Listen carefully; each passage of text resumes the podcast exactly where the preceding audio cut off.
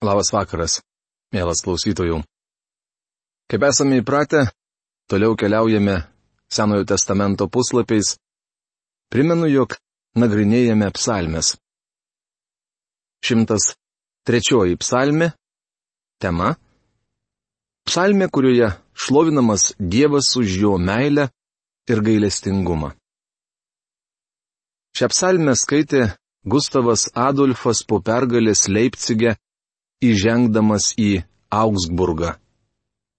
Joje kalbama apie naujus laikus.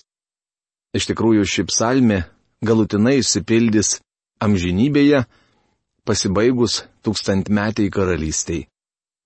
Izraelio tauta pasikliovė šią psalmę praeitįje, dievoti izraelitai pasitikė ją šiandien, dievo baimingas Izraelio likutis pasikliaus ją ir ateityje. Šiandien į daugelių įtikinčiųjų yra tikras jėgos ir šviesos šaltinis. Šioje psalmėje girdime padėką ir gyrių vienam asmeniui. Tas asmuo - Kristus. Manau, ši psalmė buvo gėdama antifona. Jie pradedama solo, o baigiama visuotinio gyriaus simfonija. Šį psalmino skyrių aš suskirščiau taip. Pirma. Paraginimas mums. Antra. Žodis apie Jahve. Trečia. Žodis apie žmogų. Ir ketvirta. Ištarmė apie ateitį. Taigi pirma. Paraginimas mums. Šimtas trečioji psalmė pradedama asmenišku paraginimu kiekvienam iš mūsų. Šlovink viešpati, mano siela, ir visa, kas manyje, te šlovina jo šventąjį vardą. Šlovink viešpati mano siela ir nepamiršk, koks jis geras. 103 psalmės pirma, antra eilutės. Jo pirmose eilutėse mums net du kartus sakoma šlovinti viešpatį. 103 psalmė šiandien labai aktuali. Polichromo Biblijos vertime pirmoji eilutė skamba taip. Šlovink viešpati mano siela ir visa, kas giliausiai manyje, te šlovina jo šventąjį vardą. Mums sakoma girti ir šlovinti viešpatį. Tačiau skaitydamas šią psalmę, suprantu, jog net didžiausios mano pastangos nepasiekia tikslo. Mano siela trokšta viešpaties, bet ne taip, kaip turėtų. Bičiuli, noriu jūs įspėti. Mes turime saugotis, kad neįprastume laikytis ritualų, vaikščioti į bažnyčią vien dėl to, kad reikia ir kad neimtume tuščiai svaidytis pamaldžiomis frazėmis.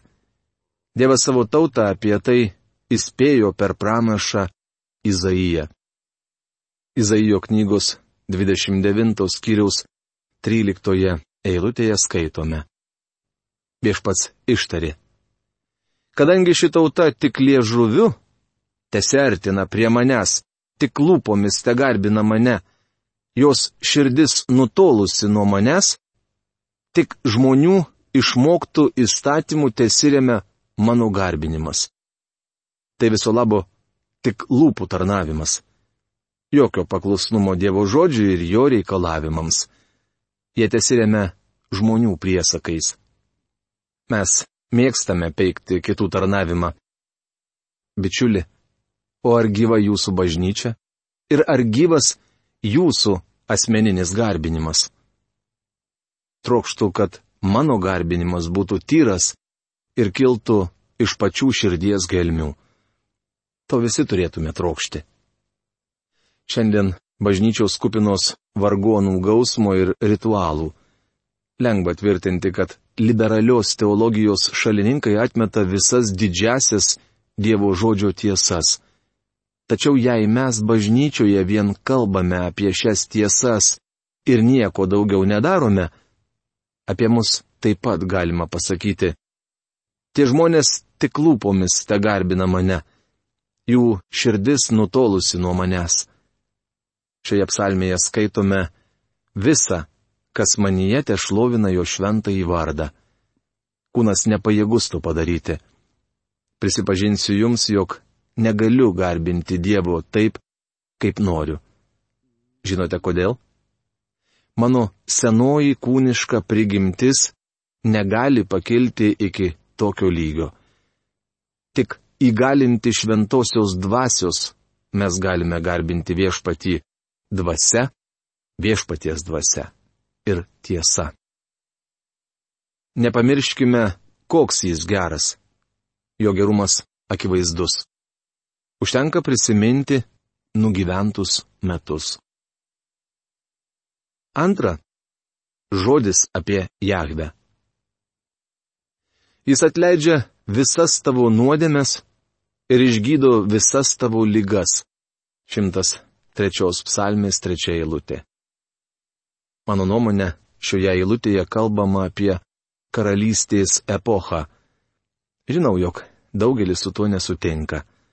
Bet to manau, jog psalmininkas turi omenyje ir fizinės, ir dvasinės lygas. Dievas yra gana aiškiai pasakęs, ką darys karalystės laikais. Izaijo knygos 33 skyriaus 24 eilutėje skaitome. Nebus ten žmogaus, kuris sakytų, aš lygotas. Žmonėms, kurie ten gyvena, kaltė bus atleista. Esu girdėjęs kažką sakant, kad daugelis tariamų tikėjimo gydytojų akcentuoja išgelbėjimą. Nieko panašaus. Jie užsimena apie išgelbėjimą tik tarnavimo pabaigoje, prikabina jį į tarnybinį vagoną prekinio traukinio gale. Bičiuli, žmogus neišgis, kol jo nuodėmės nebus atleistos. Liga - nuodėmės pasiekmi. Kad žmogus galėtų išgyti, pirmiausia turi būti išspręstas jo nuodėmių klausimas. Kristus buvo paukotas dėl mūsų nusikaltimų ir prikeltas mums išteisinti. Mes negalime gauti atleidimo, kol nesame išteisinti tikėjimu į Kristų. Pirmame Petro laiške antros kiriaus 24 eilutėje, kur cituojama Izaijo knygos 53 skyriaus 5 eilutė, skaitome. Jis pats savo kūnę užnešė mūsų nuodėmės ant kryžiaus, kad numirę nuodėmėms gyventume teisumui. Jūs esate pagydyti jo žaizdomis. Pagydyti nuo ko? Nuo savo nuodėmių, bičiuli. Tai visų svarbiausia. Jis atperka tavo gyvastį iš kapo ir apgaubia tave meilę ir gailestingumu. Šimtas trečios psalmės ketvirta eilutė. Mes turėtume nepamiršti, jog daugelis rinktinių Dievo tarnų buvo kankinami lygų bei negalių ir šiame gyvenime nebuvo išgydyti. Vienas iš tokių žmonių - apaštalas Paulius. Šis vyras turėjo kūnę dyglį. Gali būti, kad tai buvo regos sutrikimas jei kas ir galėjo pretenduoti į išgydymą. Tai pirmiausia Paulius. Fanny Crosby liko aklai iki mirties. Džonas Miltonas taip pat buvo aklas. Ką pasakysite apie tuos žmonės? Aš žinau, kad ne visi mūsų radio klausytojai pažįsta juos, bet aš kalbu tiems, kurie pažįsta. Ar jums užteks drąsos ir akiplėšiškumo tvirtinti, jog jie neišgyjo todėl, kad jie kažkaip netaip tikėjo. Nuostabu, kai žmogus išgyja, tačiau dažnai Dievo valia būna kitokia. Supraskite vieną. Daugelis rinktinių Dievo tarnų niekuomet nebuvo išgydyti. Jis sotina tavo gyvenimą gerybėmis, kad būtum jaunas ir stiprus lygerelis. 103 psalmės 5 eilutė. Kosto burbulio Biblijos vertime šie eilutė skamba taip. Jis pasotina geru tavo burną ir atsinaujina tavo jaunystę kaip erelio. Vieną dieną per televiziją mačiau tariamą tikėjimo gydytoją, kuri mane labai pralinksmino. Iš tiesų likau apstulbintas mat nuotraukoje, kurią buvau matęs anksčiau. Toji moteris atrodė kaip mokinukė. Tačiau kai išvydau ją per televiziją, ji nebebuvo panaši į mokinukę. Dievas net naujino jos jaunystės. Visa tai vyks tūkstantmetėje karalystėje. Iš tikrųjų, manęs laukia naujas kūnas. Kol kas jo neturiu. Tačiau vieną dieną jis bus mano. Viešpats vykdo teisumo darbus. Jis daro, kas teisinga visiems engiamiesiems. Jis parodė savo kelius moziai ir savo veiksmus Izraelio tautai. 103 psalmės 6-7 eilutės. Mozei Dievas parodė savo kelius, tuo tarpu Izraelio vaikai matė tik stebuklus jie neįgyjo daug supratimo. Panašiai ir šiandien daugelis supranta tam tikras tiesas, tačiau nevaikšto Dievo keliais. Viešpats yra gailestingas ir mylintis, lėtas supykti ir kupinas ištikimosios meilės. Rašoma 103 psalmėje 8 eilutėje. Šiandien mums labiau už viską reikia Dievo gailestingumo. Trečia. Žodis apie žmogų. Ne visą laiką jis barsis, nei bus supykęs per amžius. Jis elgesi su mumis ne pagal mūsų nuodėmių dydį, nei atmoka mums pagal mūsų kaltes. 103 psalmės 90 eilutės. Bičiuli, jei Dievas atmokėtų mums pagal mūsų nuodėmės ir kaltes, nebūtų išgelbėtas ne vienas žmogus. Kaip aukštai nuo žemės dangus, taip didijo ištikimoji meilė pagarbėjo bijantiesiems. 103 psalmės 11 eilutė. Mums labiausiai reikalingas jo gailestingumas. Kaip toli rytai nuo vakarų, taip toli nuo mūsų jis išsklaido mūsų nuodėmes. 103 psalmės 12 eilutė. Psalmininkas nesako, kaip toli šiaurė nuo pietų. Šiaurė nuo pietų iš tikrųjų toli, tačiau iškeliavę iš rytų į vakarus žingsniuosite amžinai. Eisite ir eisite į vakarus. Jei trauksite į šiaurę, galiausiai prieisite tašką, kai imsite judėti pietų kryptimi. Tačiau į vakarus galite eiti amžinai. Taip toli nuo mūsų jis išsklaido mūsų nuodėmes. Kaip tėvas gailisi vaikų, taip viešpats gailisi pagarbiai jo bijančių. 103 psalmės 13 eilutė. Dievas mums neapsakomai geras, bet mes dažnai to nepastebime. Juk jis žino, kokie mes padarai, atsimena, kad mes esame dulkės. 103 psalmės 14 eilutė. Daktaras Džordžas Gilas sakydavo, Dievas atsimena, kad mes esame dulkės, dėja, mes užmirštame tai. O dulkėms nusėdant ant dulkių susidaro purvas. Štai toks yra žmogus. Žmogaus dienos panašios į žolę, jis žydi kaip laukų gėlė. Vos paliečia ją vėjas, jos jau nebėra. Ji išnyksta, nepalikdama žymės. 103 psalmės 15-16 eilutės.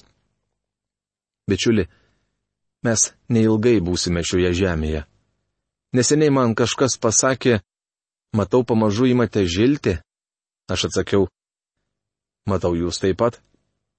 Žinote, ką Dievas bando mums pasakyti? Nudažydamas mūsų plaukus, sidabru jis sako, tu nebeilgai pasiliksi šioje žemėje. Jei jūs kamuoja artritas ir rytais sunkiai bet atsikeliate iš lovos, tai Dievo įspėjimas. Jis sako, tau nebedaug beliko. Ištiesink kreivus kelius. Ir ketvirta - ištarmė apie ateitį. Betgi viešpats geras per amžių amžius tiems, kurie pagarbiai jo bijo ir teisus vaikų vaikams. 103 psalmės 17 eilutė. Nuostabu, kad mes galime žvelgti į ateitį, žinodami, jog Dievas visuomet bus mums gailestingas. Šlovinkite viešpatį visi jo darbai, visose jo viešpatijos vietose. Šlovink viešpati mano siela. 103 psalmės 22 eilutė. Kai bus nuostabu, kai viešpatį išlovins visi jo kūriniai, visose jo viešpatijos vietose. Čia kalbama apie visuotinį Dievo šlovinimą, kuomet anot daktaro Gebeleino, žemėje ir danguje griausmingai aidės aleliuja. Pritariant visai kūrinyjei, visa, kas gyva, šauks aleliuja. Bet kol kas neužmirškime paraginimo. Šlovink viešpatį, mano siela. Šimtas ketvirtoji psalmi. Tema - šlovė kūrinijos Dievui. Tai psalmė apie gamtą. Naujojoje Skofildo Biblijoje su nuorodomis ji pavadinta šlovė kūrinijos Dievui. Šis psalmyno skyrius pradedamas žodžiais Šlovink viešpati mano siela, viešpatie mano Dieve tu be galo didis, apsisiautęs garbe ir didybė. 104 psalmės pirmą eilutę. Šioje psalmėje aprašomas kūrinijos Dievas - tai giesmė kūrėjui, kuris apsireiškė per gamtą. Apsigaubęs šviesa lyg drabužiu, tu ištempėjai dangų lyg palapinės danga - 104 psalmės antra eilutė. Pirmąją kūrimo dieną Dievas tarė, te būna šviesa. Ir šviesa pasirodė, rašoma pradžios knygos pirmos kiriaus trečioje eilutėje. Žodžiai tu ištempiai dangų lyg palapinės dangą apibūdina antrąją kūrimo dieną. Dangus buvo ištiestas it palapinė. Šios psalmės parašymo dienomis keliautojai, jojantys kupranugarių karavanu, pasiekę nakvynės vietą įskleisdavo palapines. Panašiai Dievas įskleidė dangų, o jo viršuje pripylė vandens, kuris kartais labai sparčiai liejasi žemyn. Iš debesų Dievas darosi vežimą. Ir padėjai savo buveinės sijas viršum vandenų. Iš debesų tu daraisi vežimą ir keliauji audros sparnais. 104 psalmės 3 eilutė. Profesorius Algirdas Jurienas siūlo tokį šios eilutės vertimo variantą kuris pripylė savo viršutinius kambarius vandens, kuris daro debesi savo kovos vežimu, kuris važiuoja ant vėjo sparnų. Antrąją kūrimo dieną Dievas tarė, te būna skliautas arba, kaip verčia profesorius Algirdas Jurienas, tvirtuma tarp vandenų ir te atskiria vandenis nuo vandenų, rašoma pradžios knygos pirmos kiriaus šeštoje eilutėje. Tu įkūrei žemę tvirtai ant jos pamatų ir ji ten stovės amžinai. Vandenynų tarsi drabužių ją apklojai, o vandenys tysojo viršum kalnų. 104 psalmės 5-6 eilutės. Trečiąją kūrimo dieną Dievas tarė, te būna sutelkti vandenys po dangumi į vieną vietą ir te pasirodo sausuma. Taip ir įvyko rašoma pradžios knygos pirmos kiriaus devintoje eilutėje. Jau skaitėme, kad Dievas pripylė vandens sluoksnį viršuje, o dabar atskyrė vandenis nuo sausumos.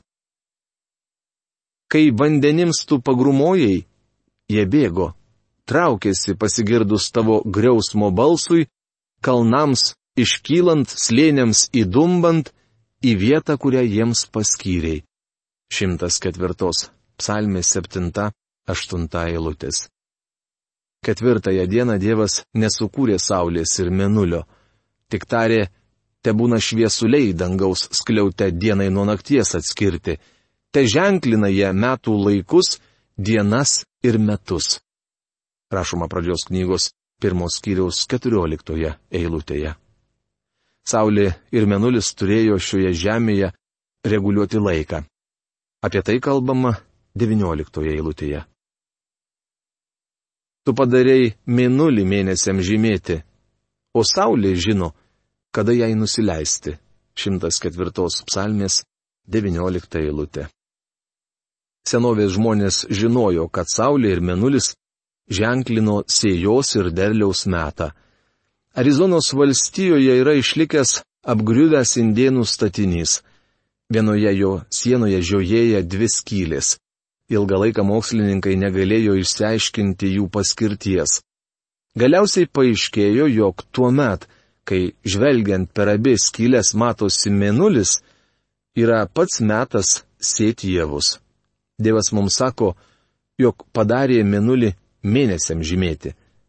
Saulė ir mėnulis juda pagal Dievo nustatytą tvarkaraštį. Tad nesakykit man, kad mes gyvename beprasmėje visatoje. Ką Dievas sukūrė penktąją dieną?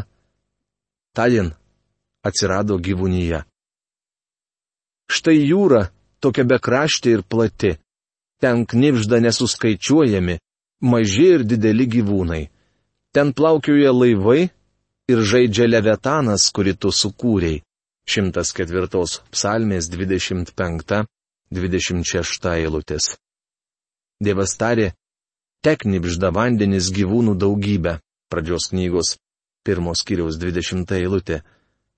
Vandenis prisipildė įvairiausios gyvūnijos. O ką Dievo žodis sako apie žmogų? Tau atsiuntus savo dvasę jie atgyja ir tu atnaujini žemės veidą. 104 psalmės 30 eilutė. Šeštąją dieną buvo sukurtas žmogus. Namai jam jau paruošti. Te būna amžina viešpaties garbė. Tesidžiaugia viešpats savo kūriniais. 104 psalmės 31 eilutė. Baigęs kūrinijos procesą Dievas žvelgė į kūrinyje ir matė, kad tai gera. Jis pažvelgia į žemę ir jį dreba, Jis paliečia kalnus ir jie smilksta. Gėdosiu viešpačiui, koliai gyvensiu, per visą gyvenimą šlovinsiu giesme savo Dievą. 104 psalmės 32-33 eilutės. Žmogus buvo sukurtas ir apgyvendintas Edeno sode tam, kad šlovintų Dievą. Te patinka ją mano malda, nes aš džiūgauju viešpatyje. 104 psalmės 34 eilutė. Tačiau, tai išnyksta žemėje nusidėjėliai, te nebūna daugiau nedorelių. Šlovink viešpati mano siela, šlovinkite viešpatį. 104 psalmės 35 eilutė. Žmogus nusidėjo. Ką darys Dievas? Pašalins jį iš šios žemės. Bičiuli, Jei nenorite grėžtis į Kristų, galiu Jums garantuoti vieną. Jūs nepasiliksite šioje žemėje visam laikui. Dievas perkels Jūs į kitą vietą. Patikėkit, Jūsų adresas pasikeis. Tai tiek šiandien. Iki malonaus susitikimo.